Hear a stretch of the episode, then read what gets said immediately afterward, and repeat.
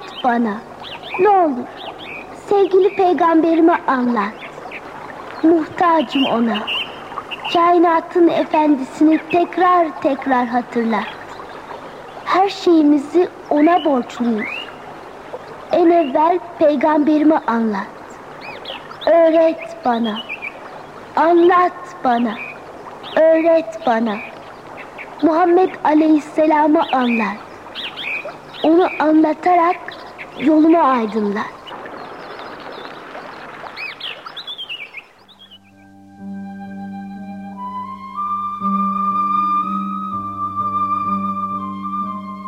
Hıvat gazasından döneli birkaç gün olmuştu ki Kürz İbni Cabir ismindeki bir Kureyşlinin adamlarıyla birlikte Cemma Dağı'na baskın vererek burada yayılan sığır ve develeri sürüp götürdüğü haberi alındı. Bu ağır bir haberdi. Bir küstah ve çapulcuları Medine yakınlarına kadar sokularak haram bölgeden mal çalsınlar. Bu cüreti gösterenler tabii ki cezasına da katlanmalıydı.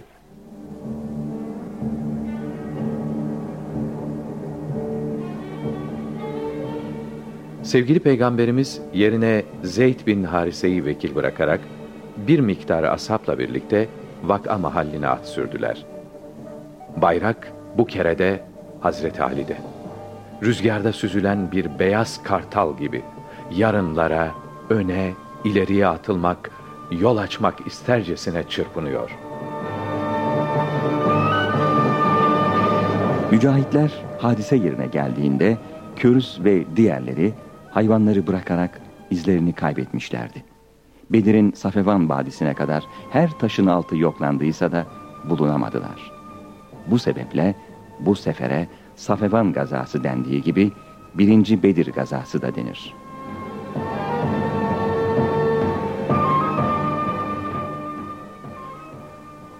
Müşrikler anlamış olmalı ki müminlerin değil kendilerine, mallarına dahi eğri gözle bakmak artık kolay değildir. Acaba anladılar mı?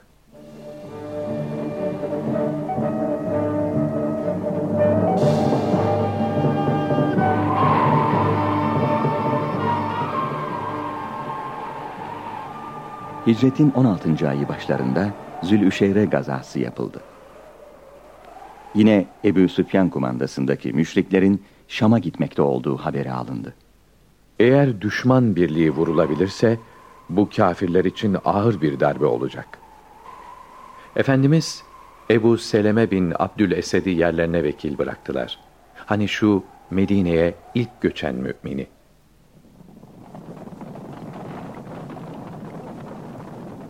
İslam akıncıları 200 kadar. Bu gazada da Peygamberimizin bayraktarı Hazreti Hamza radıyallahu anh. Mücahitlerin bir at ve 30 develeri mevcut. Nöbetleşe biniyorlar. Arama Müdlicoğullarının Zül Uşeyre kasabasına kadar sürdü. Ama yakalamak mümkün olmadı. Düşman yine paçayı kurtarmıştı. Fakat nereye kadar? Artık bu yollar küffara korku yolları olmuştu.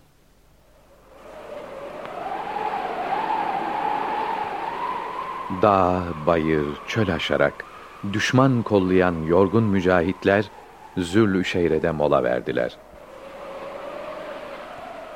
Hazreti Ali ve Ammar bin Yasir bir hurma ağacı altına oturmuş, köylülerin çalışmalarını seyrederken öylece uyuyakaldılar.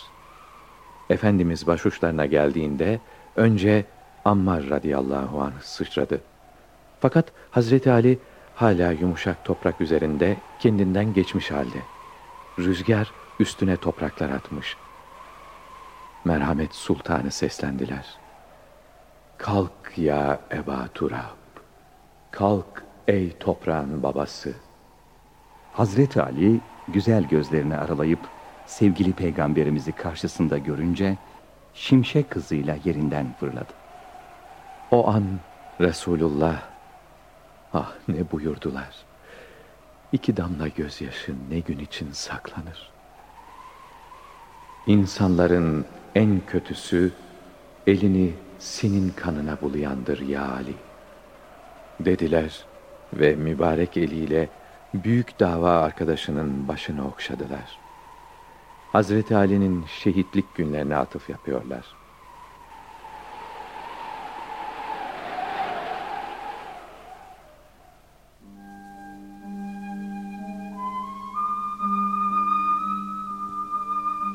Hicretin 17. ayı Medine Sevgili Peygamberimizin halazadesi Abdullah bin Cahş da her sahabi gibi Allah aşkıyla dolu dolu. Mekke'de olmadık işkencelere katlanmış, açlığa, susuzluğa hayret edilecek kadar dayanmış bir peygamber aşığı.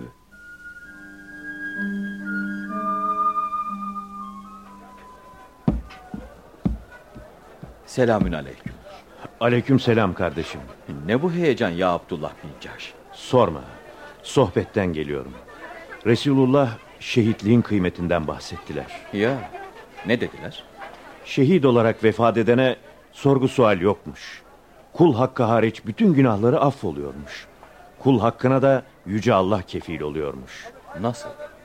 Allahu Teala hak sahibi kuluna diyormuş ki: "Ey kulum, sen haklarını bu kuluna helal edersen ben de sana şu köşkleri hediye edeceğim." Şehitlik bir müminin kavuşabileceği en yüksek derece. Dua et şehit olayım. Muhakkak bana dua et. Allah sana da bana da şehitlik nasip etsin. Amin. Amin.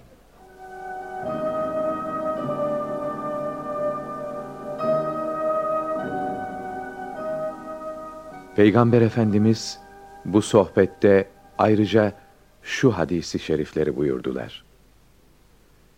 İçinizde en sevdiğim kimse huyu en güzel olanınızdır. Kendisine yumuşaklık verilen bir Müslümana dünya ve ahiret nimetleri verilmiştir. Bir işi zamanında yapmayan helak oldu. Ve buyurdular ki, imanın temeli ve en kuvvetli alameti Müslümanları sevmek ve Müslümanlara düşmanlık edenleri sevmemektir.